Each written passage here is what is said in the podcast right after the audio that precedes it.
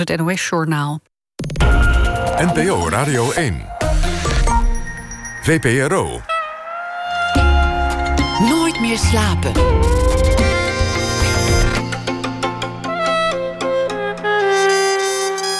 Met Liesbeth Staats.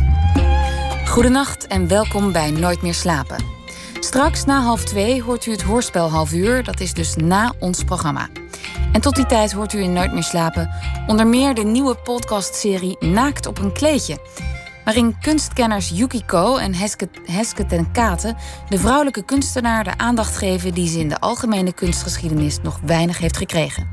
Vannacht spreken zij curator en model Stefanie Afriva over de Brits-Liberische kunstenaar Lina Iris Victor.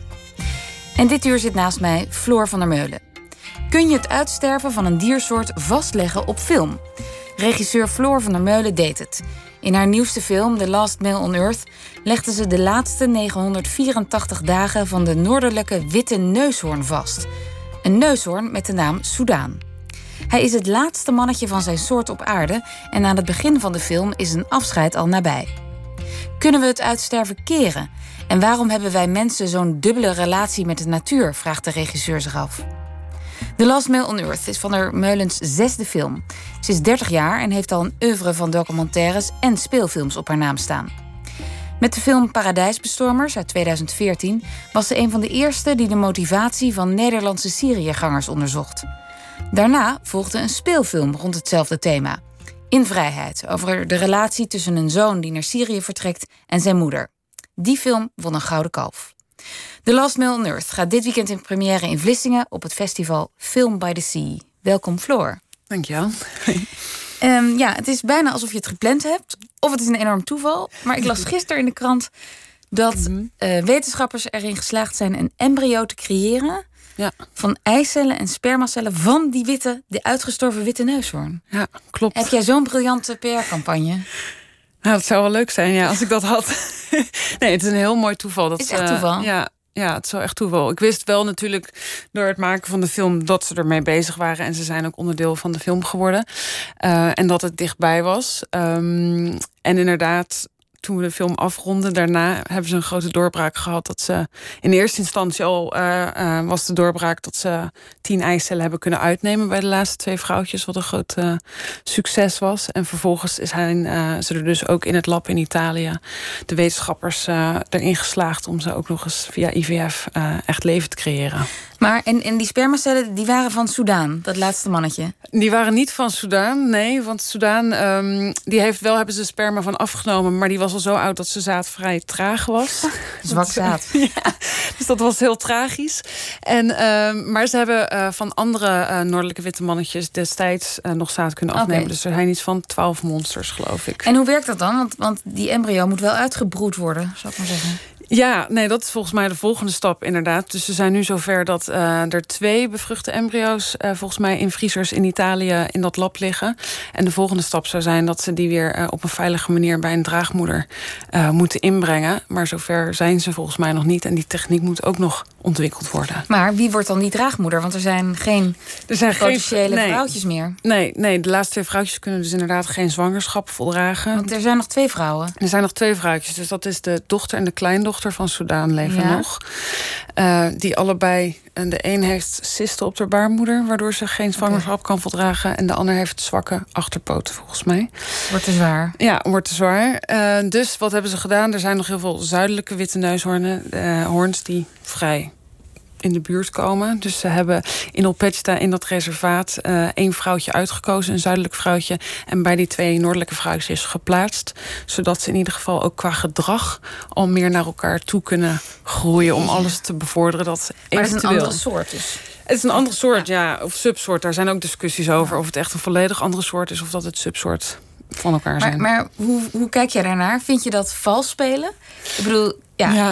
is hij gewoon uitgestorven? Of kun je het hier dan nog via een kunstgreep mee terugdraaien? Ja, nou officieel ja, zijn er natuurlijk nog twee vrouwtjes... dus is de soort nog niet helemaal uitgestorven, zou je kunnen zeggen. Uh, terwijl tegelijkertijd volgens mij als er nog maar 50 individuen zijn... praten ze ook al van extinctie.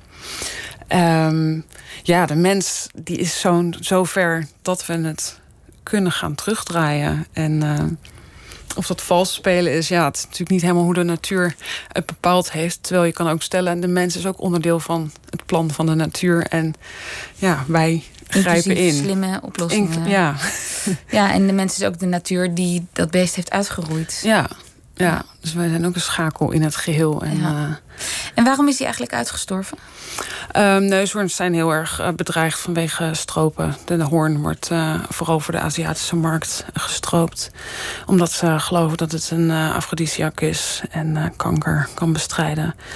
Dus ehm, ja, ze worden enorm gestroopt en arme Afrikaanse boeren krijgen heel veel geld aangeboden. Ja, dat wordt in jouw film verteld. Dat een kilo horen van die neushoorn... Ja.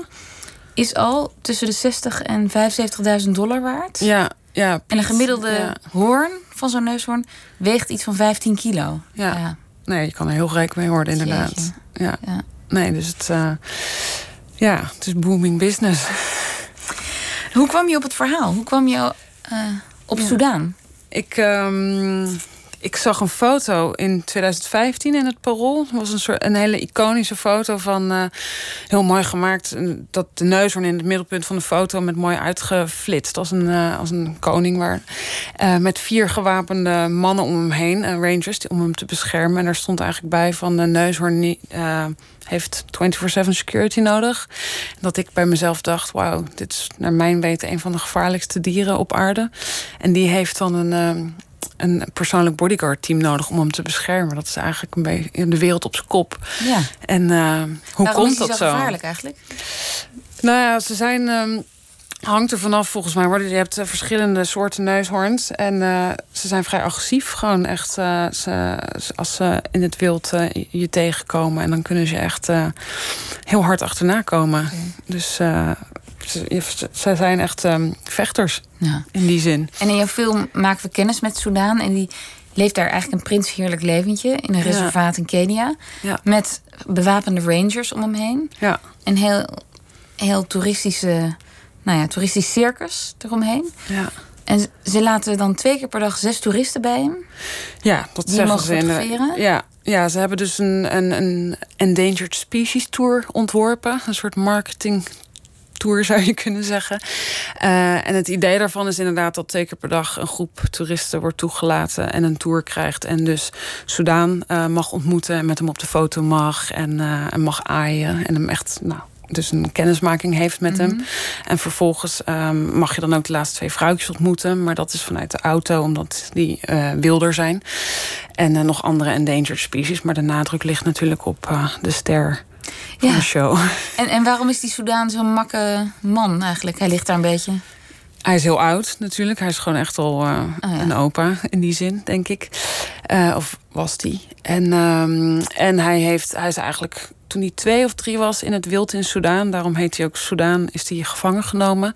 Omdat de soort toen al heel erg bedreigd werd. En uh, in een poging de soort te redden naar uh, een dierentuin in, uh, in Tsjechië. Uh, overgebracht. Dus hij heeft eigenlijk het merendeel van zijn leven in een dierentuin doorgebracht. Waardoor hij aan mensen gewend is geraakt en eigenlijk uh, half tam is geworden. En toen jij die foto in het Parool zag in 2015, um, toen was, raakte je geïntrigeerd. Ja. Wist je meteen wat voor soort film je wilde maken? Nee, ik, ik was gefascineerd door uh, de relatie mens-dier en de verzorger of de beschermer en uh, deze neushoorn. En daar stond ook niet, naar mijn weten, echt een artikel bij. Dus ik heb dat park eigenlijk op Vegeta opgebeld van de laatste man leeft bij jullie. Wat is, wat is zijn verhaal? En toen had ik contact met Elodie Sampere, de hoofdmarketing en PR-pers van op. En die zei eigenlijk, je moet zelf komen kijken om zijn verhaal te begrijpen. En toen uh, ben ik uh, met een klein budget die kant op gegaan om zes weken op dat park. Zes weken meteen? Ja, ik was zes weken ben ik naar Kenia gegaan en uh, om ja, het verhaal te leren kennen. En in eerste instantie was het idee inderdaad Soudaan en zijn verzorgers. Maar toen ik daar aankwam op dat park uh, of in dat reservaat was ik niet de enige. Er waren uh, uh, meerdere filmmakers, journalisten, uh, wetenschappers, mensen van over de hele wereld waren op het nieuws afgekomen van dit is het laatste mannetje wat nog staat. Ehm, en dat was, dacht ik, dat is eigenlijk fascinerend. Dat we dus met z'n allen door dat noodlot worden aangetrokken. En met z'n allen besluiten naar Kenia af te reizen. En uh, zijn verhaal te vertellen. En wat is dat in ons mensen, wat ons dan zo aantrekt tot dat noodlot. Tot het feit dat hij de laatste is en extinctie. En uh, um, dus toen gaandeweg in die zes weken eigenlijk hebben we steeds meer, of heb ik steeds meer bedacht. Het gaat niet alleen om die neushoorn. Het gaat eigenlijk over hoe wij mensen met het feit omgaan dat hij de laatste is. En wat zegt dat over ons? En, en ben je daarachter gekomen? Wat zegt dat over ons? Ja, het is natuurlijk een hele filosofische gedachte, denk ik. En um, um, ik denk dat we wat we in dieren vaak onszelf weerspiegeld zien. En uh, ja, de animal gaze, dus in de ogen van het dier zien we ons eigen leven weerspiegeld. En dat we zo'n grote soort, zo'n groot dier als de neushoorn kunnen verliezen, mm -hmm. is natuurlijk een beetje een dystopisch voorbode van wat er nog meer uh, verloren kan gaan. En dat we misschien wel in het noodlot van de neushoorn uiteindelijk onze eigen noodlot zien. Noodlot zien en ondergang. En ja, ja de neushoorn is denk ik ook wel echt een een boegbeeld van de wildernis en die we aan het verliezen zijn. En ja. En in, uh, we zien in dat park, in dat reservaat, uh, maken we kennis met een van zijn verzorgers, James. Mm -hmm. En we zien hem twee keer heel, nou ja, echt wel serieus vertellen aan het groepje toeristen dat dan voor hem staat. Van, ja. ja, jullie hebben hem nu gezien, jullie hebben hem aangeraakt en nu hebben jullie een opdracht. Jullie moeten zijn verhaal vertellen. Ja. En um, Denk je dat dat werkt? Ja, hij zegt echt spread the gospel. En het mooie is, hij gelooft daar ook echt in. Het zit heel diep bij James. Ik denk wel, de toeristen heb ik natuurlijk ook daarna gesproken en naar hun ervaring gevraagd van hoe dat was om op die tour te gaan en Soudaan te ontmoeten en met James nou, die, die opdracht te krijgen. En die waren er wel heel erg door geëmotioneerd. En sommigen hadden ook echt plannen van... oké, okay, ik moet op Facebook, weet je wat, iedereen vertellen... en ik moet al mijn vrienden een e-mail sturen van... Uh, donate money. En, uh, dus er, ze zijn in het moment denk ik wel heel erg geraakt. De vraag is natuurlijk als je eenmaal thuis bent... Ja, wat je daarmee doet. Ja, wat je er echt maar mee los doet. van of je via Facebook geld ophaalt of niet... maar verandert er iets in je bewustzijn... als je dat beest hebt gezien en hebt aangeraakt? Hoe was dat ja. voor jou bijvoorbeeld? Ja, Um, nou, het is natuurlijk wel. Toen ik voor het eerst daar was, het is, nee, het is een onwerkelijk om naast zo'n groot dier te staan. Ze zijn echt groot. En, uh, en bijna uit de andere tijd of zo. Ja, het zijn ja. een soort van. Ze hebben een. Een soort dinosaurussen. Juist, qua bouw zijn ze een soort bijna prehistorisch. En dat is dat je. Dat besef je wel als je daarnaast staat. Van deze dieren, of deze soort, waren er al voordat wij mensen überhaupt op aarde waren. En die dragen die hele geschiedenis in zich van de wereld. Mhm. En um, ja, het is ook wel. Hij, heeft ook een karakter, Soudaan. Weet je wel, hoe die, hoe, hij is weer heel anders dan bijvoorbeeld Fatou en Najin, zijn uh, kleindochter en zijn dochter.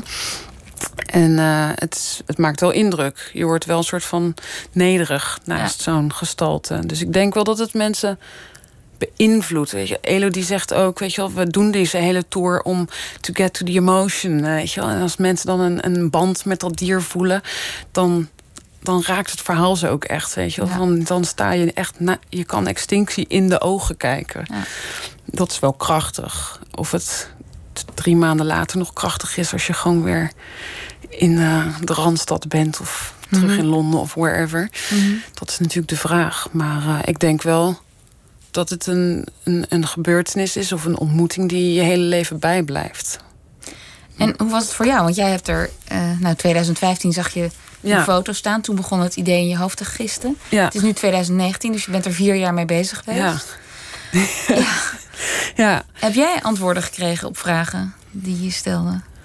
Um, nou ja, wat ik vooral ontdekt heb, is in die zin.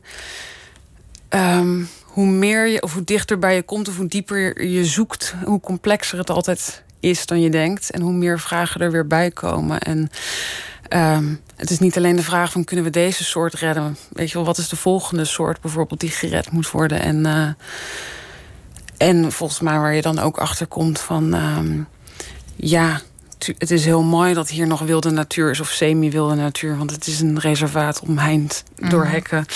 Uh, waar nog wilde dieren leven. Maar hoe houdbaar is dat? Want wij in Europa of in het Westen vinden het misschien een hele fijne en romantische gedachte dat er nog wilde dieren in Afrika leven.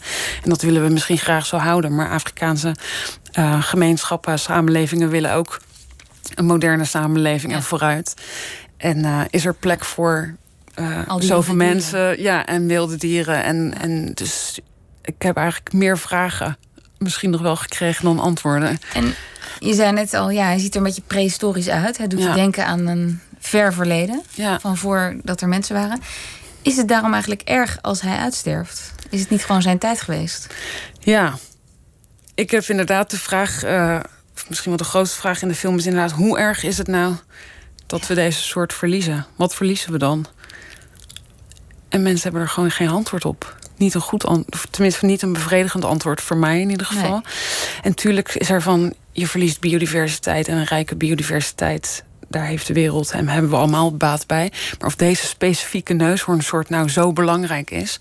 En er zijn natuurlijk mensen die zeggen: ja, uh, we weten het niet. Dus mhm. we weten misschien niet wat we verliezen. En beter beschermen we het of bewaren we het. Want het zou wel eens heel erg kunnen zijn, omdat we die kennis simpelweg niet hebben. Tegelijkertijd, ja, ik denk, is er ruimte? Weet je wel? Het is, uh, hoe hou, ja. Een van die wetenschappers die je interviewt in de film uh, is een man die zegt: Ja, maar we kunnen naar de maan. We kunnen ja. uh, hele enge ziektes genezen.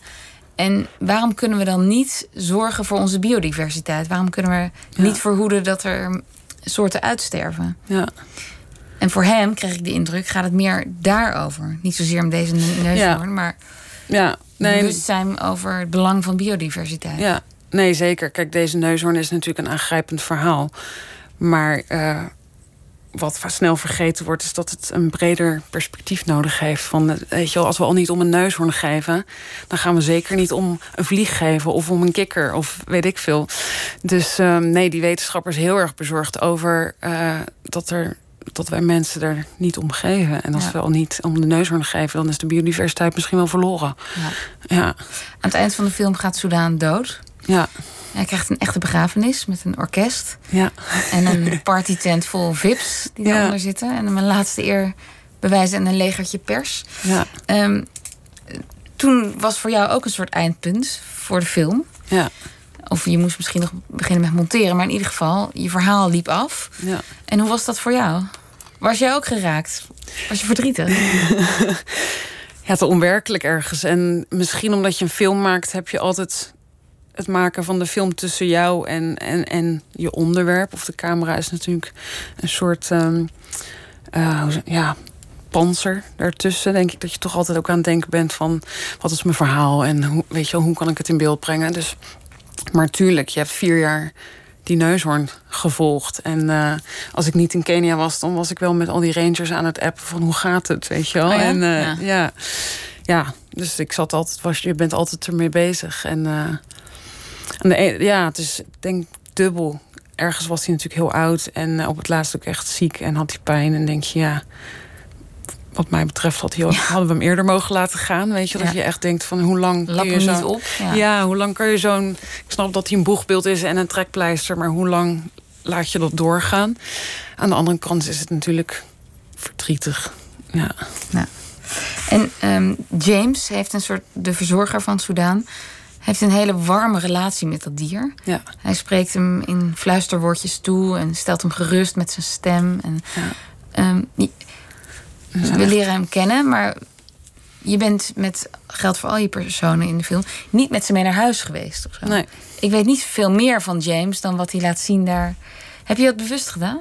Dat... Ja, we hebben op een gegeven moment gekozen eigenlijk.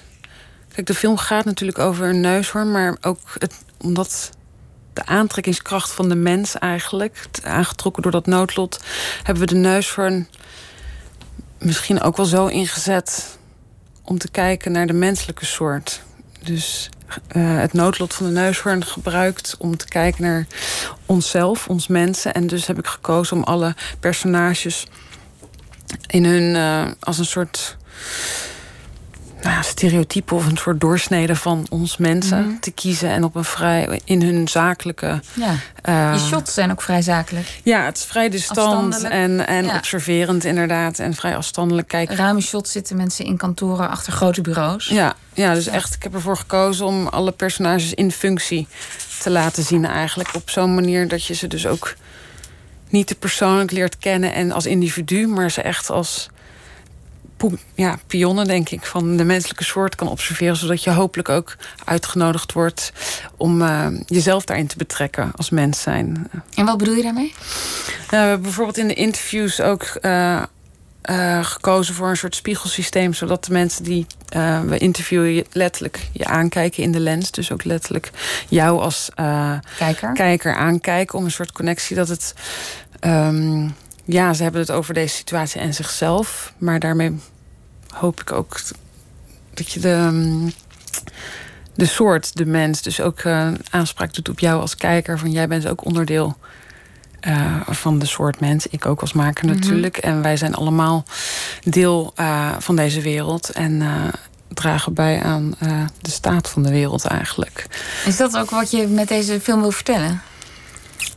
Nou, de film is een, een poging of een soort onderzoek eh, naar wie wij mensen zijn vandaag de dag. Ja, en wat het betekent om mens te zijn. En zeker geconfronteerd eh, met de dood, eindigheid, sterfelijkheid, vergankelijkheid. eh, wat dat met ons doet. Want wat ik in de film, wat je misschien ook wel ziet, is dat het ons ook heel ongemakkelijk maakt. Of dat we maar. We zijn natuurlijk maar mensen uiteindelijk. We doen ook maar wat. En we proberen het. We, hebben, we voelen heel veel liefde voor dat dier. En tegelijkertijd zijn we ook heel onhandig in hoe we dat aanpakken. Dus ehm, ja, het is wel een, een onderzoek naar ehm, wie wij mensen zijn in de aanblik van onze eindigheid en de eindigheid van een neushoorn. En eh, je andere films gaan over ook hele actuele Ja. onderwerpen. Je hebt in 2014 Paradij- Paradijsbestormers gemaakt. Over Nederlandse Syriër, Syriëgangers. En ehm, die is bejubeld, die documentaire. Je was eigenlijk een van de eerste Ja. die dat onderzocht. Van waarom gaan die jongens daarheen en die vrouwen, meisjes. En daarna volgde een eh, speelfilm rond hetzelfde thema, in Ja. vrijheid. En ik las dat je in een ander interview had verteld... ja, voor mij liggen fictie en non-fictie heel dicht bij elkaar. Ja. Ik vind het eigenlijk niet zo heel erg anders. Ja, bij mij is het vaak ehm, dat het een voortvloeit uit het andere. Ehm, en voor een documentaire mag je natuurlijk heel veel onderzoek doen. Je gaat heel diep in een, in een thematiek, Onderwerp. in een onderwerp. En ehm, daar kom je van alles tegen, wat je dan mij weer fascineert. En op ideeën brengt voor bijvoorbeeld een speelfilm. eh, om dat dieper uit te werken. En bij Paradijsbestormers was het ook zo. Dat was natuurlijk een hele gesloten wereld. Eh, niemand wilde praten over zijn zoon die naar Syrië was gegaan destijds. Of eh, daar ook wilde bijna niemand met je praten over eh, waarom die daarheen was gegaan. En ehm, voordat het echt al heel erg gebeurde, ehm, merkte ik dat er jongens gingen terugkeren. Dat eh, bijvoorbeeld dat ze gedesillusioneerd waren over wat er in Syrië gaande Mhm. was. En dat hebben we toen gekozen om bijvoorbeeld een speelfilm van te maken. Omdat ehm, we dat niet echt konden filmen, documentair. Dus hebben we het gescript en er fictie van gemaakt. Maar dat is geheel gebaseerd weer op gesprekken wel met mensen. En, en ehm, En je zegt we, Ja. wie, wie zijn dan we? Oh Werk ja, je ik zeg altijd we. Ehm, ik werk, ja, het is Met altijd... een scriptschrijver? ja, met een scriptschrijver inderdaad. En sowieso maak je film natuurlijk met heel veel mensen Ja, samen. Dus Altijd is- met honderd mensen. ja, dus het is eh, niet alleen mijn verdienste. Maar, Nee, eh, maar dat bedoel ik niet. Maar als jij zo'n idee krijgt, Ja, ja. werk je dat dan meteen uit met een, een scriptschrijver? Ehm, ja. ja, wel vaak dat ik een idee heb en dan naar een producent eh, of zeg van Ja. eh, ik heb een idee en ik wil dat graag. Kunnen we dat samen uitwerken en dan met een schrijver. Ja. En zijn er veel van jouw collega-regisseurs die fictie en non-fictie combineren? Mm, niet heel veel. Nee, het is vaak wel dat je voor het een of het ander kiest. Er zijn wel, er zijn wel mensen die het doen, inderdaad. En Maaike de Jong maakt natuurlijk. eh, en documentaires, maar voornamelijk fictiefilms. Dus eh, het gebeurt wel, maar meestal is het dat je het een of het ander als Kiest. kiest ja. Ja. Ja. En, Ja. en wat brengt jou die combinatie? ja, de combinatie brengt me dat ik. Eh, ik, ik, ik heb echt mijn documentaires nodig om ook uh, mijn fictiefilms te kunnen maken. In die zin om op ideeën te komen, maar ook hoe ik fictiefilms maak, is dat ze gewoon heel nauw uh, met de realiteit uh, in verband ja, gaan. Mm. Eigenlijk in die zin dat je dus gewoon net zoals dat je voor een documentaire research doet en onderzoek en personages zoekt, doe ik dat ook voor een fictiefilm. Alleen is dat dan allemaal onderzoek wat in het script gaat eigenlijk. Ja, ja dat schrijf je meteen op. Ja, ja. en ik. Um, de personages in mijn films zijn ook vaak gebaseerd op mensen die ik gesproken heb en ontmoet heb. En uh, dus daarom ligt het voor mij ook zo dicht bij elkaar. Ja. En toch, en in vrijheid gaat over datzelfde thema. Heel actueel thema. Ja. Dus er zit altijd engagement in voor jou. Ja, op de een of andere manier inderdaad. Ik weet niet of ik dat is niet bewust gekozen, maar het is allemaal wel maatschappelijk. Ja. Uh, ja, dat fascineert me dan blijkbaar. Kun je je voorstellen dat je iets een keer heel poëtisch maakt? Een film vanwege de cinematografie. Ja, wel. Maar ik denk wel dat het verhaal toch op de een of andere manier, ook al ga je het heel poëtisch of cinematografisch uh, uitvoeren, laat ik maar zeggen, wel zijn basis heeft in iets wat uh, in de maatschappij of in de wereld gaande is. En waar komt dat vandaan? Ja, ik denk, um, ik ben ermee opgegroeid, opgevoed, denk ik, door um, mijn moeder onder andere. Uh, Op wat voor manier? Um, nou, mijn ouders zijn wel altijd heel erg uh, betrokken geweest bij de wereld. En heel erg uh, dat er aan de eettafel discussies over de wereld en oorlogen en wat er gaande is. En die maken zich daar druk over. Dus dan als jong kind zat je daarop bij. En werd je dus aangemoedigd om daar ook over na te denken. Ja, en bij jou sloeg dat dus aan? Want... Ja, ja. ja, denk het wel. En mijn moeder is psycholoog en maatschappelijk werkster, werkt met kinderen die het moeilijk heeft, hebben. Ehm, dus dat krijg, ja, heb ik met meegekregen natuurlijk. Dat je, um, hoe zeg je dat? Met je medemensen daarom moet geven en over na mhm. moet denken dat niet iedereen het even makkelijk heeft of in dezelfde situatie zit. En dus met een vrij breed wereldbeeld opgevoed, denk ik. ja, en een interesse voor de ander bedoel, films maken is voor mij ook een manier om uh, me te verdiepen uh, in de mens, mijn medemens, de ander. Om uh, de wereld een beetje beter te begrijpen. Ja. Je hebt de Willem de Koning Academie gedaan ja. in Rotterdam. Ja. En trof je veel gelijkgestemden? Is dat een plek waar mensen heen gaan omdat ze dat engagement in een vorm willen gieten? Ja, de kunstacademie is denk ik wel heel erg een. Ik bedoel, het is heel divers, omdat je er heel mhm. veel stromingen hebt. En zeker niet alle mensen in mijn uh, filmklas hadden dezelfde behoeften. Sommigen zijn puur die willen uh, echt uh, entertainment maken, bijvoorbeeld, of, of heel commercieel werken. Dus het was heel breed. Maar ik denk wel dat op de kunstacademie, ook zeker omdat je daar ook bijvoorbeeld autonome kunst hebt, waar je dan of fotografie, dus dat je wel mensen vindt uh, die een nieuwsgierige blik hebben. En geïnteresseerd zijn in de wereld. En uh, sommigen zijn meer politiek en andere en maatschappelijk dan anderen. Maar... En, en was jij uh, een uitzondering of waren er meer zo maatschappelijk en politiek geëngageerd?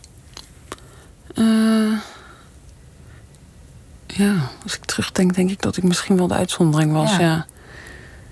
Want je zou zeggen, ja. mensen met die behoefte gaan naar school voor journalistiek. Of naar de filmacademie. Of ja, worden journalist. Ja. ja. ja. Nee, dat is wel waar.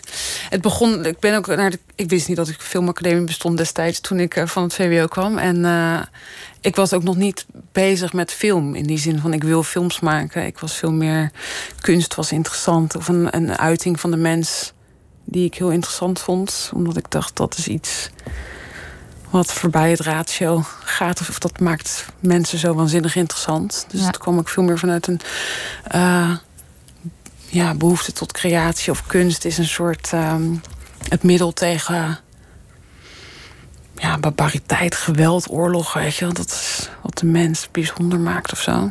Ja. Dus um, daar wilde ik bij horen. en dan ga je naar een kunstacademie, dacht ik. En uh, ja, want verder niemand in mijn familie of zo had, had zoiets. Had Nee, had Behalve dat er over bij het eten gepraat werd over die wereld. Ja, ja. dus en langzaam heeft dat zich veel meer vertaald in dat een documentaire vorm zich natuurlijk daar goed voor leent. En film uh, ja. een manier is om verhalen te vertellen. We gaan uh, naar muziek luisteren. Ja. Uh, jouw keuzenummer. van jongs af aan, een favoriet nummer. Een ode aan de sterke vrouw, Nobody's Wife, van Anouk.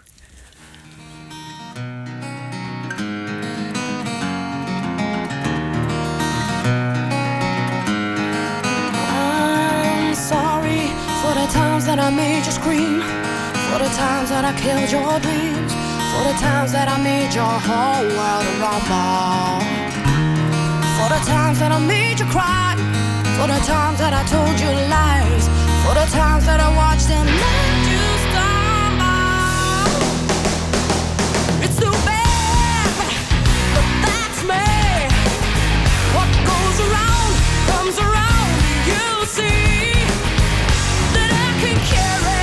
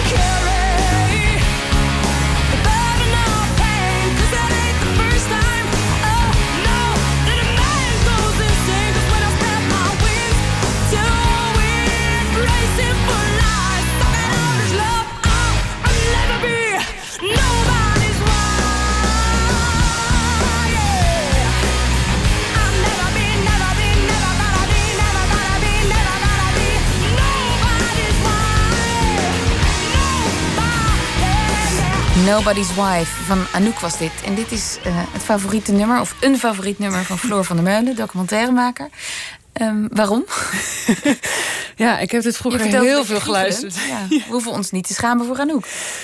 Nee, dat is waar. Dat is waar. Het is gewoon. Uh, nee, leuke herinneringen. Um, ja, ik denk om heel veel redenen eigenlijk. Um, ik ging vroeger altijd uh, met een van mijn beste vriendinnen nog steeds gingen we als 15, 16-jarige meiden uit in Delft. En uh, wij waren onoverwinbaar. Wij waren altijd met z'n tweeën. En uh, nou ja, in onze wereld waren we in ieder geval onoverwinbaar. En ja. uh, de wereld lag aan onze voeten. Dat hele gevoel van, ja, je bent 16 en dat gevoel van vrijheid. Nobody's wife. Dat, ja, wij waren van niemand en wij waren, konden samen de hele wereld aan. En dan gingen we op vrijdag altijd dansen. En dan uh, we smokkelden onszelf altijd naar binnen, want we waren nog niet oud genoeg. En uh, dan vroegen we dit nummer aan en dan was de hele dansvloer van ons.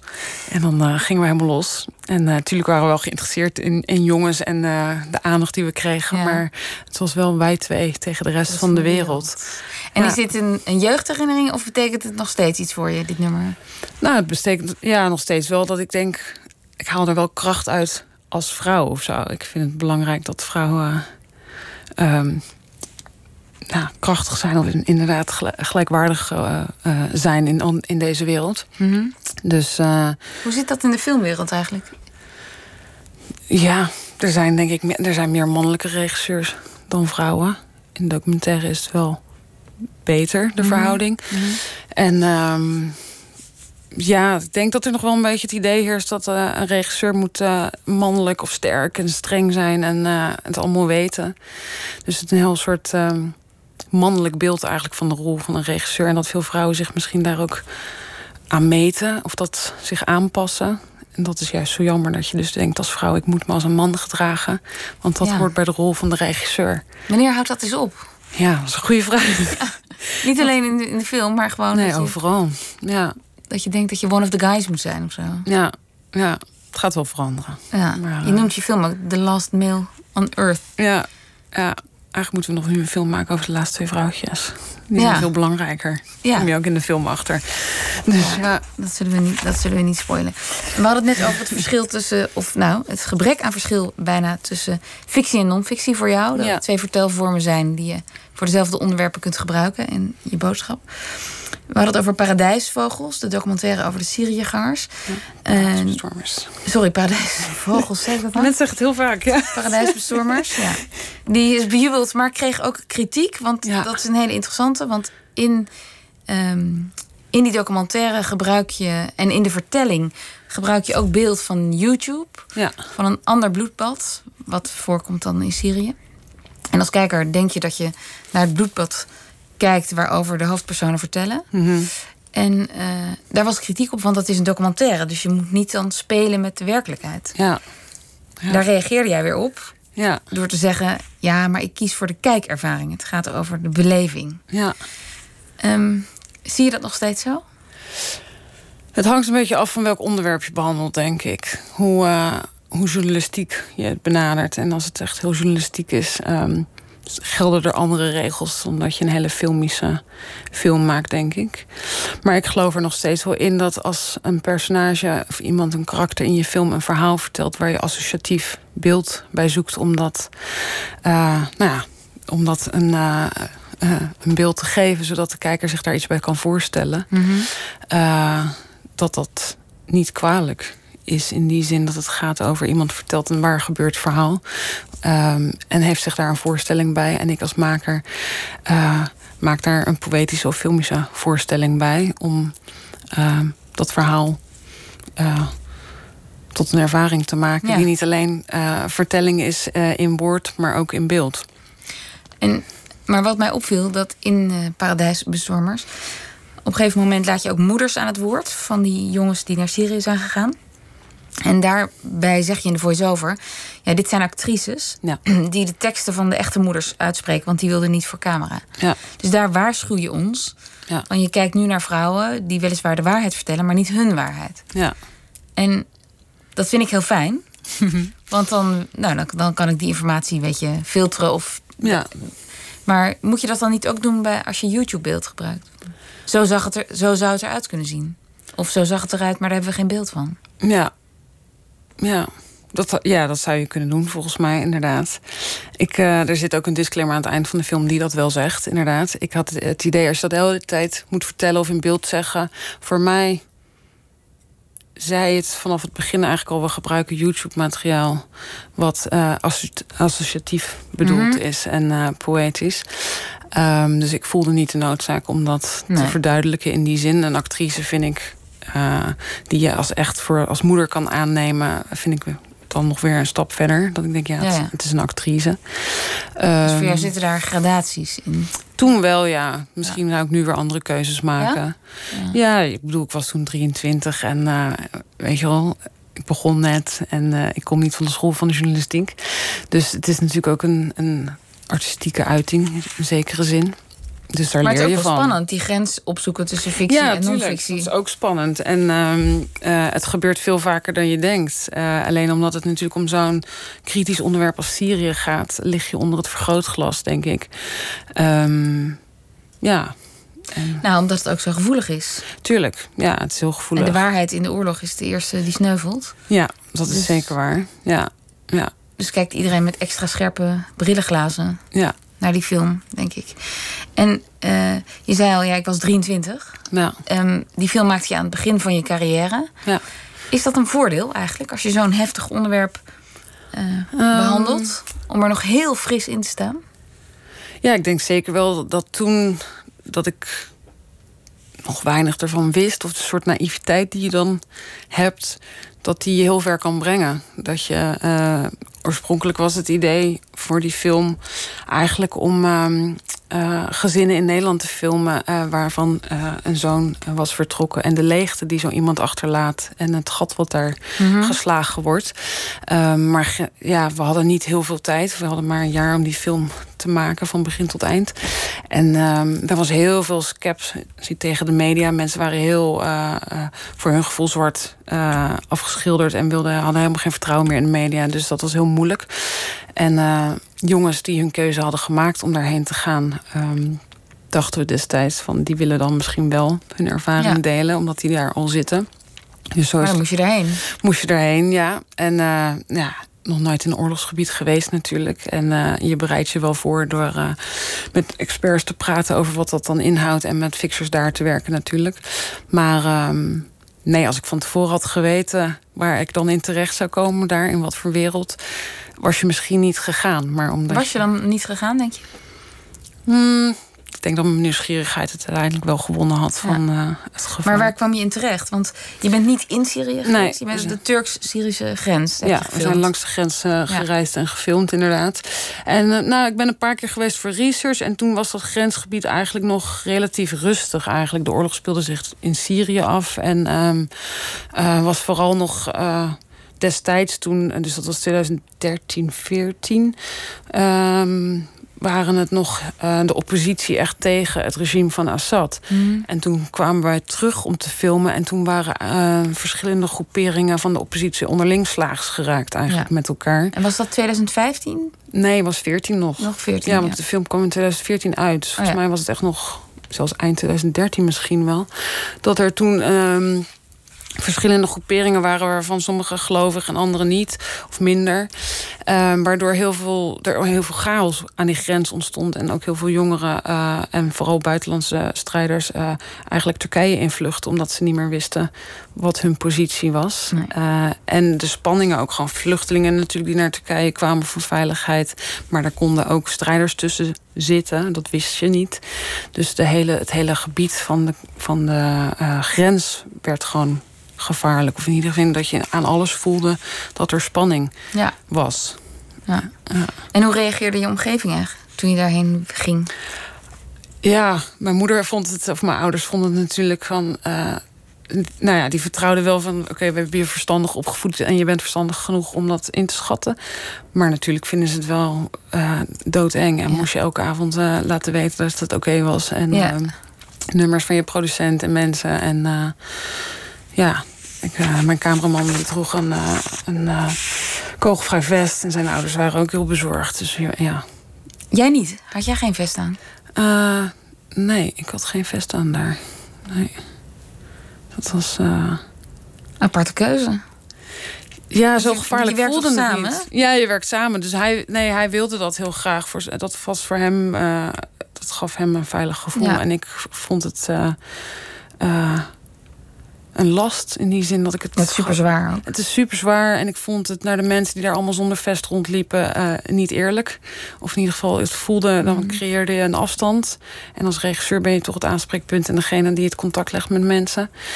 Dus uh, ik had het niet, nee. Ja. Ja. Um, je zei uh, tegen een collega van mij in een voorgesprek. Ja, waar ik dan vroeger vooral die maatschappelijke thema's wilde vertellen en wilde uitleggen vertel ik steeds meer um, op een gevoelsmanier. Of wil ik steeds meer het gevoel van mensen raken in plaats ja. van hun verstand. Ja. Um, wat bedoel je daarmee? Of... Nou, als je Paradijsbestormers ziet, is het natuurlijk nog redelijk straightforward, documentaire journalistiek. Uh, niet per se heel erg een artistieke mm -hmm. visie of een soort visueel concept. Uh, dus ik ben denk ik als filmmaker ook, je ontwikkelt je gewoon van elke film leer je natuurlijk heel veel. En ben, ben ik veel meer um, dat film ook cinematografie, weet je, filmisch moet zijn en echt een ervaring. En ehm, ja, natuurlijk zijn er documentaires en die zijn ook, die zijn ook goed dat die er zijn die je gewoon uh, de journalistieke informatie geven. Maar er zijn ook hele waanzinnige films die veel meer uh, een, uh, je onderdompelen in een ervaring en je meenemen in de, de karakters en de emoties. En wat ik wel geleerd heb in mijn films, en nou ja, ik ben natuurlijk nog niet zo lang bezig, dat emotie heel krachtig is en dat alleen maar informatie aanbieden ja. is één ding. Maar echt een film met emotie en een dramatische lijn vertellen, dat is wel een volgende stap. En, en lukt dat beter in fictie dan non-fictie? Of leent zich een speelfilm daar beter voor? Ja, een speelfilm is natuurlijk bij uitstek een, een emotionele. Uh, dramatische ervaring en waar een, een verhaallijn in zich zit waar je daar rekening mee houdt, denk ik wel. Uh, maar dat, je ziet dus ook steeds meer documentaires die ook heel erg dicht bij fictie liggen. In die zin dat het bijna zo'n ervaring is. Maar dan wel met echte personages. Of, uh, weet ja. je wel, dus dat... Ja, zo, kijk je dan ja. nu ook zo met, met dat idee, als je dat heel graag wil, naar mogelijke onderwerpen? Selecteer je ze daarop? Ja, ik zou zeggen, willen zeggen van wel. Maar de Nuizern was niet zo'n bewuste keuze in die zin. Wel dat ik dacht. Uh, het is een bizar verhaal. Dat het is een bizar verhaal en daar wil ik meer van weten. Dat, ja. ja. let's go. Maar, um, want uiteindelijk hebben we ook gekozen voor de meer uh, conceptuele of uh, filosofische benadering van de menselijke soort observeren. Uh, en daar zit natuurlijk wel een heel visueel en een heel inhoudelijk concept achter. Ja. Dus in die zin Um, heb ik daar al veel meer mijn makerschap in kunnen laten zien, wat ik heel graag wilde. Um, maar als je echt een. Weet je, je kan natuurlijk ook één verzorger volgen en zijn emotionele ja. band met het dier. Dan, dan heb je weer een heel andere film. Dus ja. uiteindelijk zit het misschien ook wel in mij dat ik een fascinatie heb voor dat uh, meer meta-achtige benadering of ja. conceptuele dan Misschien is dat de volgende stap, nog emotioneler. Nu in een film waarin je één karakter volgt, bijvoorbeeld. Want je bent al bezig met een uh, film, toch? Een ja. nieuwe film. Ja, een speelfilm. Een speelfilm. Ja. En waar gaat die over? En, uh, dat is een speelfilm Methuselem. En dat gaat eigenlijk over een vader-dochterrelatie. Verteld vanuit het perspectief van de dochter. Wiens vader um, tijdens een familiediner de hele familie bij elkaar roept en aangeeft: um, Jongens, ik heb uh, een heel fijn leven gehad en ik hou allemaal van jullie. Maar um, nou ja, op mijn volgende verjaardag, als ik 75 word, vind ik het eigenlijk wel mooi geweest. Ik heb geen zin in dat, in dat einde, als het allemaal bergafwaarts gaat. Ik ga een einde aan mijn leven maken. En, uh, dat kondigt hij aan op zijn verjaardag? Ja, ja. op, op het op diner. En dat ja. zou dan uh, op zijn verjaardag uh, gebeuren. En nou, na de eerste shock lijkt de rest van de familie dat dan, nou, als je dat echt wil, dan, dan helpen we je. En dan gaan we zorgen dat het allemaal goed verloopt. En Iris, de dochter, die ja, die is met stomheid geslagen en die denkt: wat? Dit wil ik helemaal niet. Dit is helemaal niet hoe ik mijn leven voor me zag. Dus die gaat uh, in het verzet. Um, en probeert uh, op allerlei manieren de vader op andere gedachten te brengen en te overtuigen dat het leven de, de moeite waard is, dat zij de moeite waard is. En um, ja, dus dat is een drama tussen vader en dochter. Zo, dochter, ja. ja. En hoe kwam je op dat idee? Is dat dan ook voortgekomen uit het non-fictieverhaal van Neushoorn Soudaan? Ja, ik denk ergens wel. Want uh, de vader die dood wil uh, en de confrontatie met eindigheid is eigenlijk hetzelfde als uh, Soudaan. Die mm -hmm. sterft en ons confronteert met onze eindigheid. Dus in die zin zijn er zeker raakvlakken en over leven en dood en de grotere vragen die ik daarover heb. maar ik had ook al heel lang een wens om een film te maken over een vader-dochter relatie. Um, dus ben ik met uh, schrijvers gaan praten. En uiteindelijk met Bastiaan Kroeger uh, hebben we het scenario uh, ontwikkeld. En het heeft het ook ingespeeld op de destijds en nu nog steeds natuurlijk het hele actuele debat rondom voltooid leven. Ja. Dus daar komt weer de maatschappelijke ja, ja. ja, omhoog. Maar zit er dan in deze film heel veel emotie? Gaan we enorm ja. meeleven met ja, het is vader en dochter? Vooral met dochter, denk ik. Het is helemaal haar perspectief. En uh, het is een enorm em emotionele rollercoaster. Het is okay. een tragicomeen, dus je mag lachen. Maar okay. je gaat ook zeker huilen. Want wat, wat gaat ze doen? Hoe gaat ze die vader tegenhouden?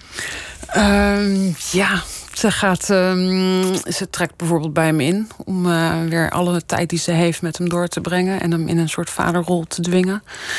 Maar... Uh, als dat niks verandert uh, en de dood en de verjaardag steeds dichterbij komt, uh, kidnapt ze hem naar de Alpen om uh, in een berghut in ieder geval te zorgen dat hij op zijn verjaardag niet in Nederland is, zodat hij het niet kan doen.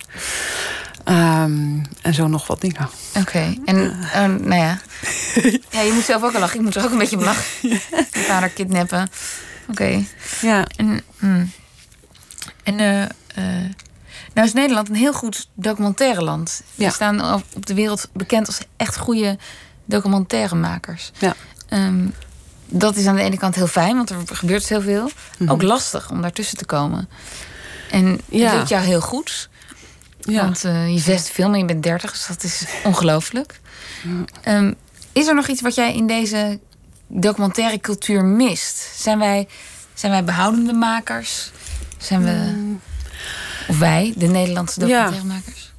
Nee, ik denk dat we een hele mooie traditie hebben in documentaire maken. En dat dat ook zorgt dat je dat meekrijgt als, als jonge maker. Weet je wel? Dat, maar um, wat je nu in de wereld een beetje ziet, is met, met Netflix bijvoorbeeld, dat de Amerikanen onwijs goed worden in, in die Netflix-documentaires, die er zo heel gestileerd vet uit. Uitzien. Ja, vet met drones, weet je wel. En allemaal uh, interviews. Uh, en dat uh, Nederland eigenlijk een beetje achterblijft daarin. En ik zeg niet dat wij zoals de Amerikanen films moeten maken. Ik denk dat we juist ook heel trots moeten zijn op dat wij mm -hmm. documentaires maken op een heel andere manier. Maar maar hoezo blijven wij dan achter?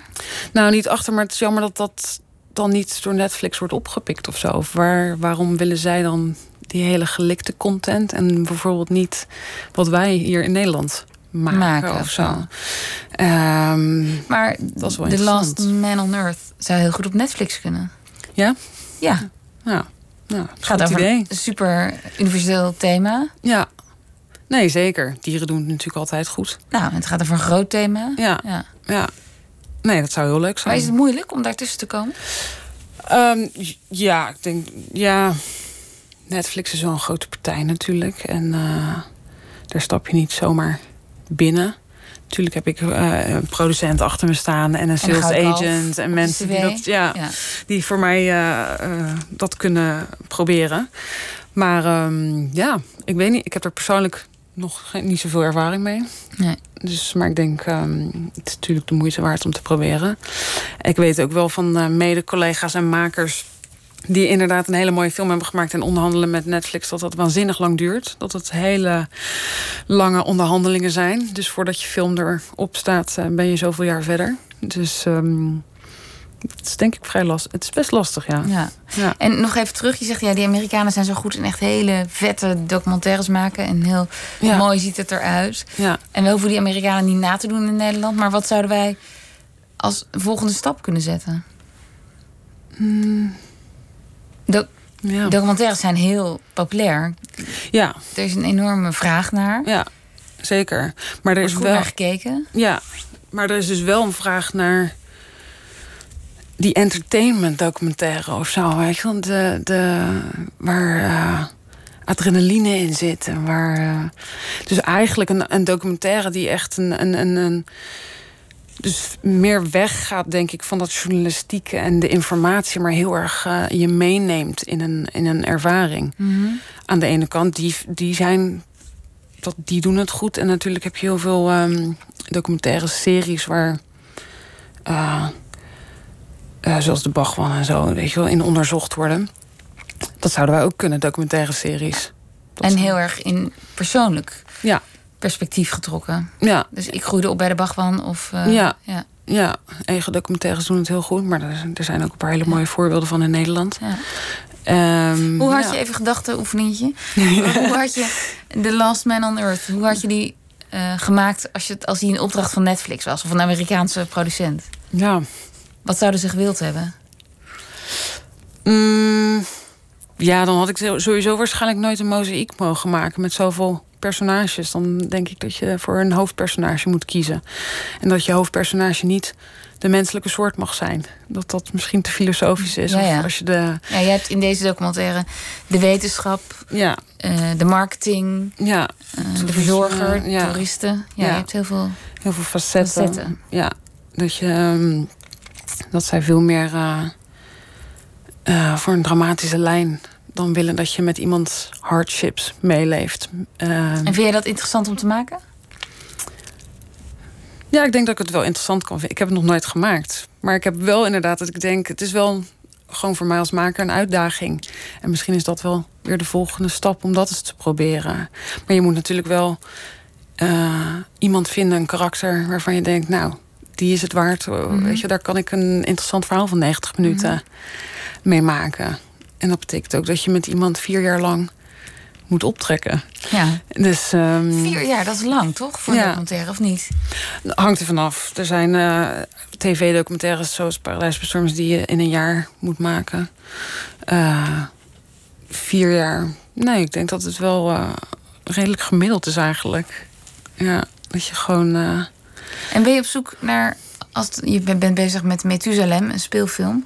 Maar scan je de krant op opmerkelijke foto's? Of zoals je ja. Soudaan de White Rhino tegenkwam? Ja.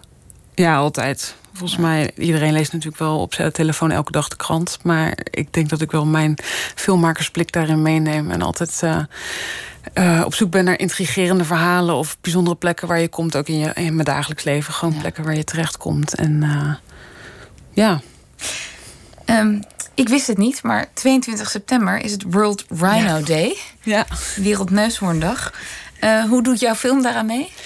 Ja, we hebben heel veel leuke um, uh, vertoningen door heel Nederland. Uh, en volgens mij ook België en daarbuiten in dierentuinen. Dus je kan naar de en dierentuin. En, naar de dierentuin en de film kijken. En bijvoorbeeld in Artis um, uh, kan je de film zien. En is er dan ook een tour daarna door de dierentuin langs alle bedreigde diersoorten. Um, dus dat is volgens mij heel leuk. En in Blijdorp zijn we. En uh, in andere grote dierentuinen kan je ook de, de film... gaat op tournee. Gaat op, op tournee op die dag, ja. En dit weekend gaat hij in première in Vlissingen, film ja. the Ja. komen de Kenianen ook? De verzorgers? Nee, die komen helaas niet. Dat was wel heel leuk geweest eigenlijk, ja, om ze daar te ontvangen. Maar nee, die zijn in Kenia druk bezig aan het werk. Ja. The Last Man on Earth. 15 september in première in Vlissingen. En op, vanaf 19 september in de Nederlandse bioscopen. Ja. Floor van der Meulen, regisseur, dankjewel voor dit gesprek. Dankjewel. En straks na het nieuws hoort u de eerste aflevering van de nieuwe podcastserie Naakt op een kleedje, waarin we de vrouwelijke kunstenaar in het zonnetje zetten. Dat straks na het nieuws van 1 uur.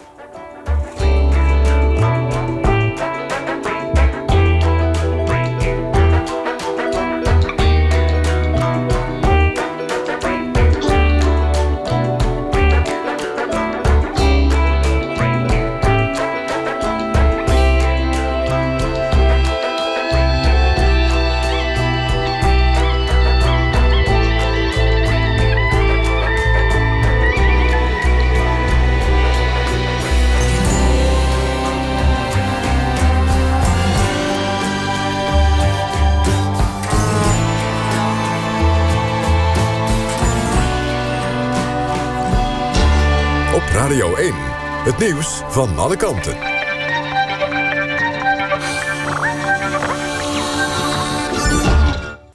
Soms als ik bij mijn oma ben, dan leert ze me iets. Iets simpels. Een ui naast je bed als je verkouden bent. Een bakje limo tegen de mieren. Kennis die met mijn generatie verloren lijkt te gaan. Problemen die wij veel omslachtiger proberen te tackelen. Met gadgets en pillen in plaats van deze natuurlijke snufjes. Dit schilderij voelt ook zo. Als iets dat ik al ken, al eerder heb gezien. Maar dat ik net dat ene puzzelstukje mis om aan het ontcijferen te beginnen. Iets dat ik kan oplossen, maar waarvoor ik het te moeilijk denk. Het torent iets boven me uit. Een zwart, groots doek. Vol gouden symbolen, als sieraden. Van links tot rechts zit het hemel onder. Geen enkel symbool is hetzelfde. Sommige zijn gevuld met goud, andere hebben alleen een omtrek. Het schilderij is een en al abstract en bestaat slechts uit twee kleuren: goud met zwart, zwart met goud. Een oog, een driehoek, een half vierkantje. In het midden danst een kever en rechtsonder siddert een slang. Of nou ja, dat denk ik dan. Mijn onderbuik snapt dit werk. Het is mijn ratio die het niet bijbeent.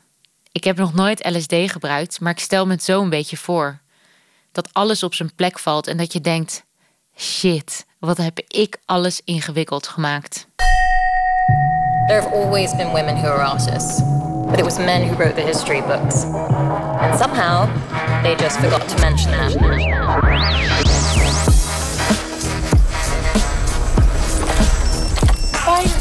Is Afrika? Oké, nou, waar is het?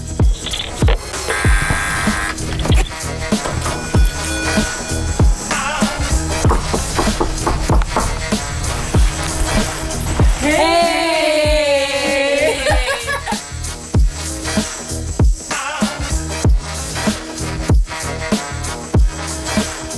bij Naakt op een kleedje, de podcast waar we altijd praten over één kunstwerk.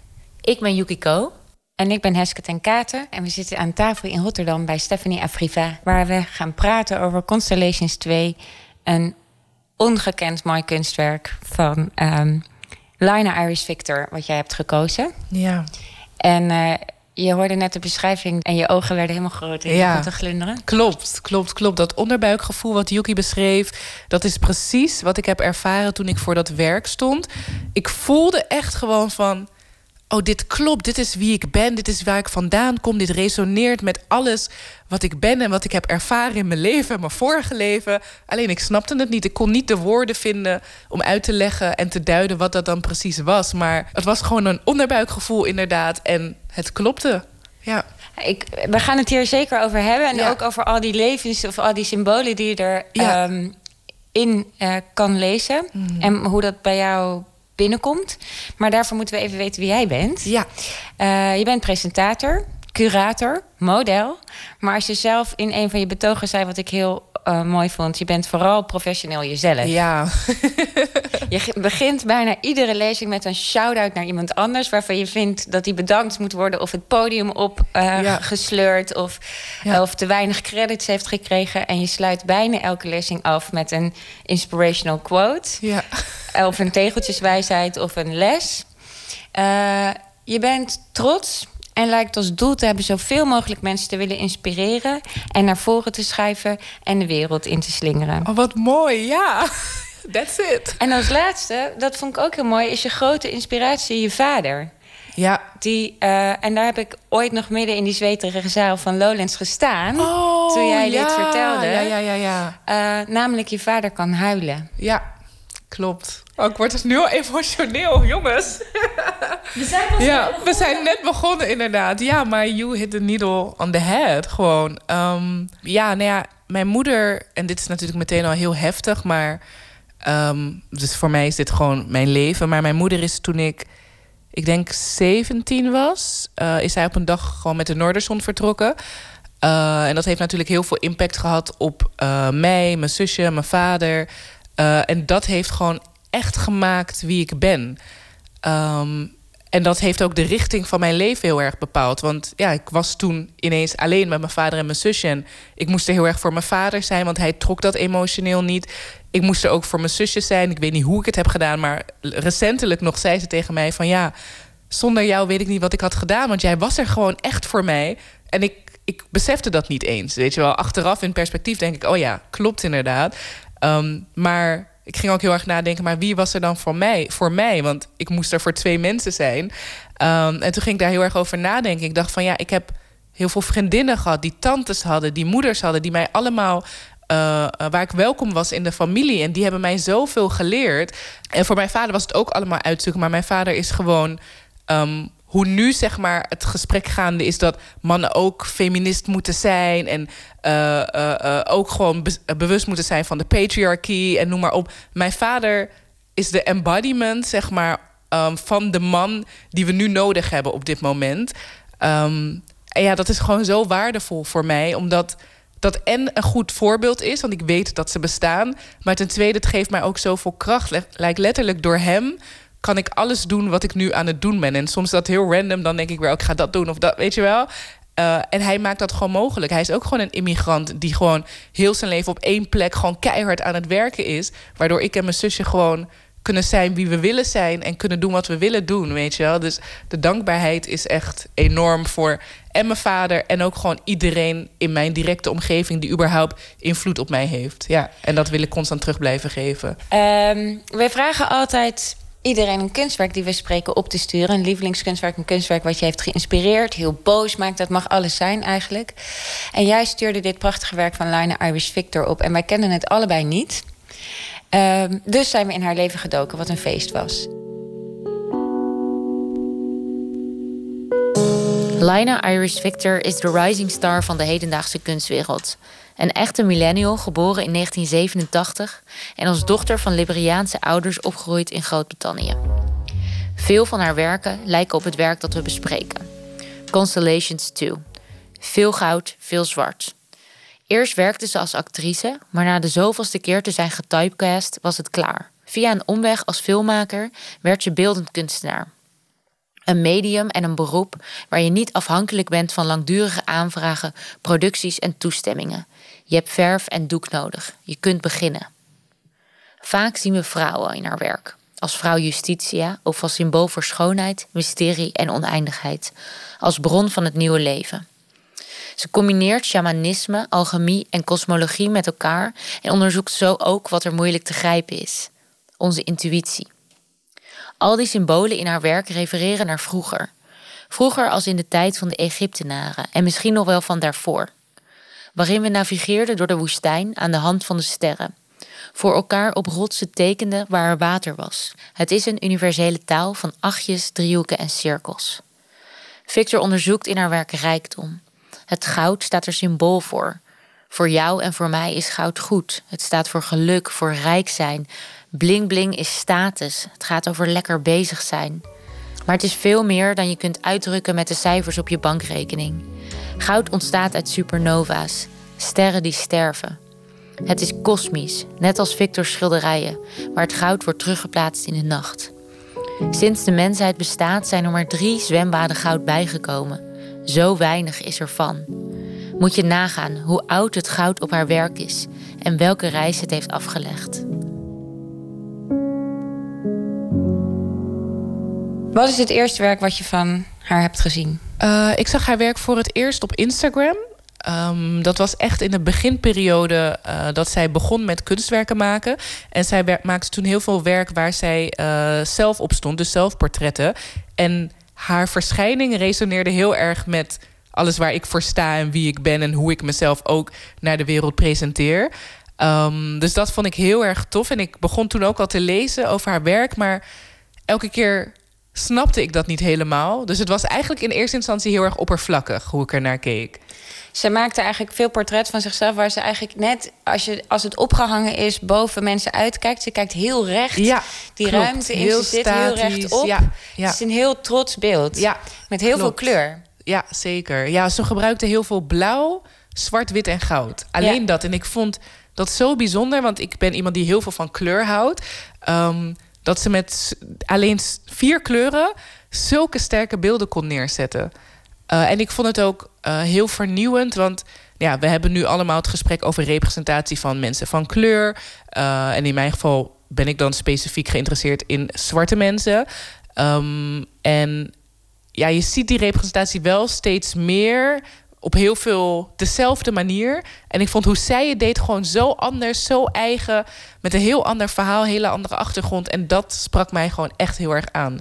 Ja, ze stak echt met haar hoofd boven het maaiveld uit. Ja, zij maakt eigenlijk haar gezicht nog zwarter. Ja, dus, klopt. Dus haar eigen, ze is zelf ook zwart. Ja, en dan ja. schildert ze haar gezicht nog zwarter over. Ja. Waarin ze ook heel erg ageert tegen dat ze blackface. Dat, zegt, dat doe ik niet. Nee, inderdaad. ik onderzoek de diepte ja. en de olieheid. En eigenlijk Precies. weer die rijkdom van dat wat onder de grond zit Inderdaad. en bij ons wordt. Ja, klopt. Uh, in kleur. En dat vind ik ook zo tof aan haar. Dat in haar werk eigenlijk ratio en gevoel bij elkaar komt. Want alles wat zij doet op een doek. Daar heeft zij over nagedacht of onderzoek naar gedaan. Het, het klopt gewoon. Je kan daar niet tussen komen. Je kan niet tegen haar zeggen: dit is blackface. Want nee, weet je wel. Er zit zoveel gelaagdheid en onderzoek achter. Dat is heel bijzonder. En toch uh, heb je een ander werk gekozen, namelijk een abstract werk. Ja, klopt. Ik um, was volgens mij twee jaar geleden voor het eerst. Uh, heb ik haar werk voor het eerst in het echt gezien. Er was een expositie in Londen. Uh, en ik kwam die ruimte binnen en Alle muren waren helemaal zwart. Er hingen verschillende werken. Werken waar zij inderdaad zelf ook op stond. Werken waar andere vrouwen op stonden. Maar dit werk, oh, ik weet nog precies, ik liep naar binnen en het hing aan de linkerkant. Een groepje mensen met wie ik was, die was ondertussen al verder aan het lopen. Maar ik bleef maar voor dit werk staan. Ik dacht, dit is het. Dit spreekt mij zo ontzettend aan. En ja, het werk heeft heel veel verschillende symbolen. En ik ging eigenlijk niet eens dieper in op wat voor symbolen ik nou precies zag. Het was gewoon. Het werk is twee meter. Dat goud dat straalt natuurlijk gewoon. Ja, je moet beseffen, het is in een zwarte kamer. Dus er is verder geen lichtinval of iets dergelijks. Maar dat goud op zich, ja. Het is misschien goed om te weten, nog daarbij te vertellen dat het geen goudverf is. Maar ze mhm. gebruikt dus echt, 24 karaats goud op die werken. Die ze inderdaad als een soort sieraden verwerkt tussen die zwarte olieverf door. Waardoor die materialen ook zo baf ja, afspatten. ja, it blinks. ja, het blinkt.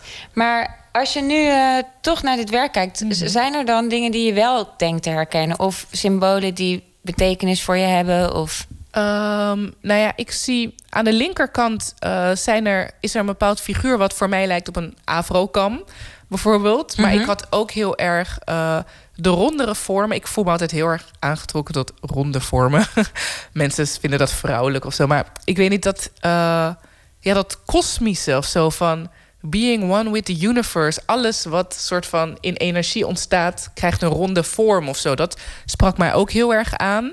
Um, en het is heel grappig, want je hebt ook volgens mij Constellations 1 of 3 of zo. En daar zie je toch wat meer symbolen die echt lijken op hieroglyphen bijvoorbeeld. Maar dat sprak me juist niet aan. Het feit dat ik hierin dingen niet echt herkende, ehm, vond ik juist nog meer bijzonder dan het andere werk. Ja, je ziet eigenlijk heel veel kleine driehoekjes, rondjes die gevuld zijn, vierkantjes met streepjes erin. Een oog wel, inderdaad, wat aan de Egyptische hieroglyphen oh ja, doet denken. Ja een sterretje zie je. Mhm. Ehm, en het is ook allemaal helemaal niet zo perfect. Het is niet allemaal uh, super rechtlijnig of zo. In een lijn zie je ook een paar kronkels en zo. Dat vond ik ook gewoon heel bijzonder. Dat, ambacht. Dat, ja, ambacht, inderdaad. Ja. hey, en zij praat best wel open over spiritualiteit. Mhm. En ja, die kosmische wereld. En ook um, utopische wereld. Dus ze houdt mhm. ook erg van futurisme. Ja. Uh, ben je gelovig? Um, dat is meteen een hele zware vraag. Ik geloof wel in iets, maar ook niet iets wat ik per se in woorden zou kunnen uitdrukken. Nee. nee dus eigenlijk die ervaring die jij hier hebt, die je niet wil in woorden uitdrukken, die dus resoneert op die intuïtie. Ja. Dat is wat jij er misschien wel zo prettig aan vindt. Precies, ja, zeker. Ja, dat het misschien niet helemaal te duiden valt, inderdaad. Het is een taal een taal van energie of zo. Ja. Maar dat vind ik ook heel tof, want ik heb ook best wel uh, Sunra bestudeerd. Hij is natuurlijk ook bezig met, uh, uh, was bezig met afrofuturism en inderdaad het kosmologische. En zwarte mensen zijn gewoon niet van planet Earth, maar we zijn hier wel om alle, weet je wel. We gaan naar Saturnus. Ja, precies. Ja, ja, ja. En um, eerst dacht ik ook, oh, zij is een beetje op die tour, zeg maar. Maar het is ook helemaal niet zo. Zij komt met hele nieuwe theorieën en hele nieuwe perspectieven. Uh, en dat vind ik er ook gewoon zo tof aan. Zij is ook gewoon een visionair, niet alleen kunstenaar. En nu je net, hoe ik net hoorde dat ze eerst filmmaker was en actrice, wist ik allemaal niet. Maar zij is gewoon een visionair. En zij kan dat op verschillende, uh, door verschillende media kan zij dat um, um, naar de wereld dus ze heeft echt een boodschap, maar ze kon haar medium nog even niet vinden. Precies, dus ergens, ze liep de hele tijd tegen een soort muur aan. Dat als acteur werd ze getypecast.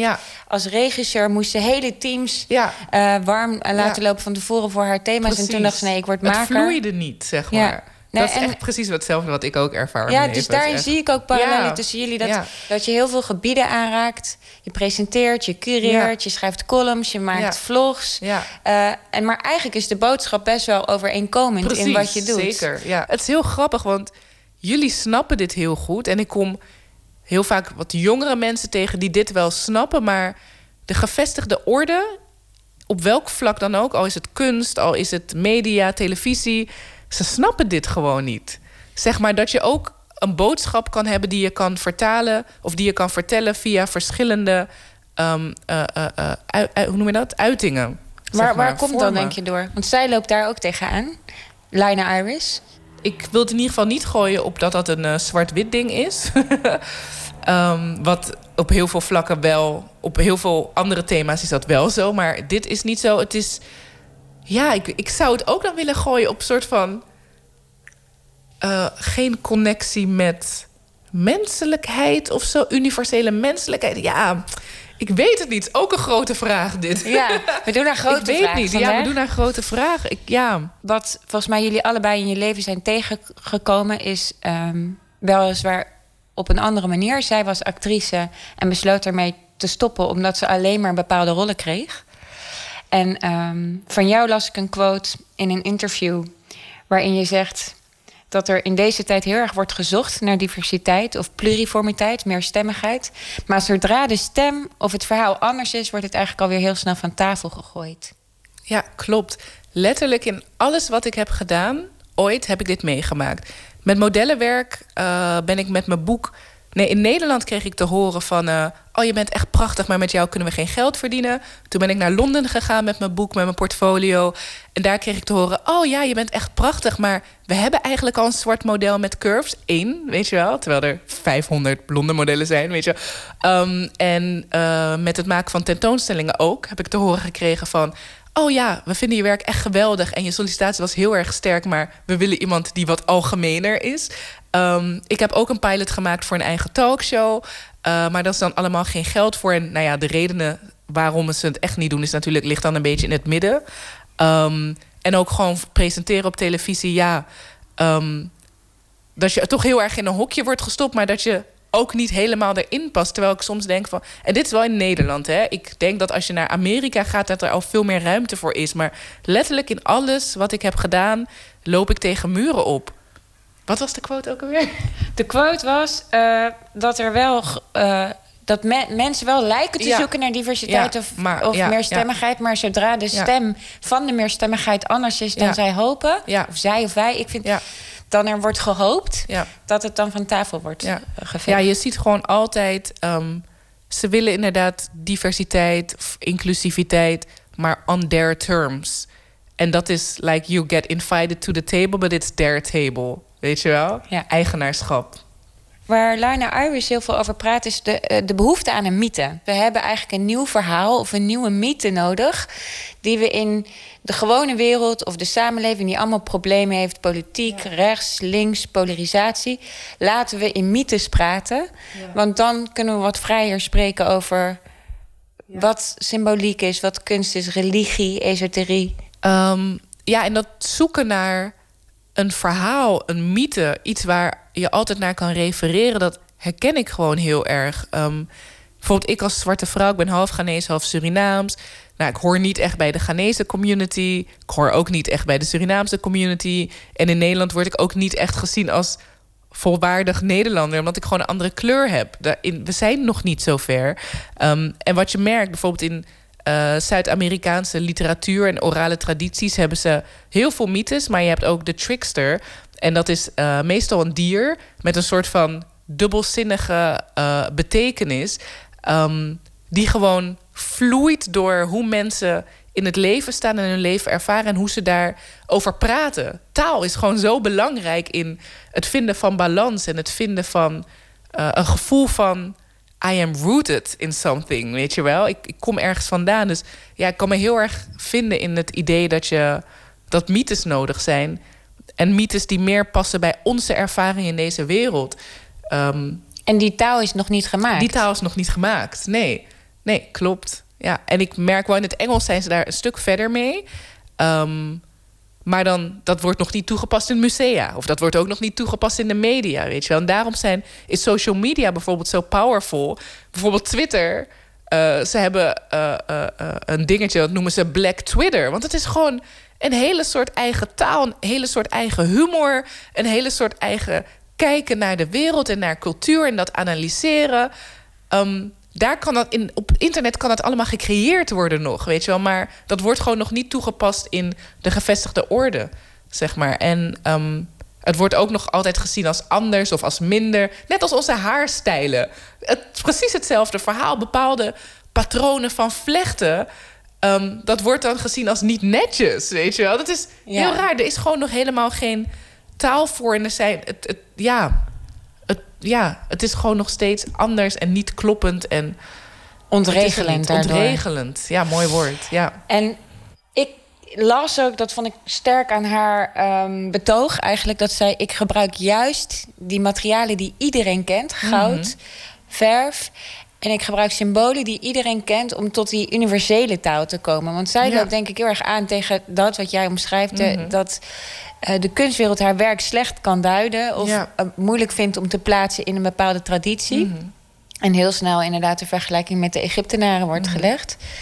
Um, waarin zij zegt: Ik heb geen taal nodig. Niet die taal die jullie of wij, of ja. jullie wij is ook altijd ingewikkeld, maar de taal die er nu is, ja, om maar zo te zeggen. Precies. Maar ik ga terug naar die intuïtie. Ja.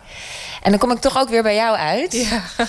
Jij houdt eigenlijk een groot pleidooi voor intuïtie, heb ik het idee. Zeker. Hoe werkt dat? Ja, hoe werkt dat? je kan niet uitleggen hoe intuïtie werkt, want dat is gewoon iets in jezelf wat zegt: dit klopt of dit klopt niet. Zo moet het, zo moet het niet. Ehm, ja, ik, ja, altijd dicht bij jezelf blijven. Dat is wel echt iets wat ik constant in mijn leven heb gedaan. En waardoor ik ook misschien zoveel verschillende dingen heb gedaan en doe. Ehm, ik luister gewoon naar wat ik nodig heb op een bepaald moment. Of wat ik voel dat ik moet doen. Of ik kan ook niet anders. En misschien heeft dat ook te maken met wat ik heb meegemaakt of zo. Um, natuurlijk, mijn moeder vertrok en wat ik, mijn eerste gevoel was, ik wil nooit zoals mijn moeder worden. Weet je wel? En ook een soort van neerkijken op vrouwen. En juist, ik letterlijk ging denken, oh, vrouwen zijn irrationeel en die hebben mood swings en die kunnen dit soort dingen doen, weet je wel? Terwijl dat juist een kracht is dat je. Ja, die je ehm, nu heel erg channelt. Ja, die ik nu heel erg channel, inderdaad. Weet je, dus ja, ik kan je niet zeggen hoe je het moet doen. Ik ga daar geen boek over schrijven ook. maar dicht bij jezelf blijven. En dat is voor heel veel mensen moeilijk. Want voor mezelf soms ook hoor. Er zit heel veel ruis tussen. Ik heb ook uh, iets op Instagram gepost met de vraag van... weet je wie je bent um, buiten mensen hun verwachtingen van je? Buiten de visie die mensen voor je hebben? Buiten je social media persona? En daar ben ik echt bijna elke dag mee bezig. Want ik heb mensen die zeggen... oh Stef, jij zou echt dit en dat moeten doen.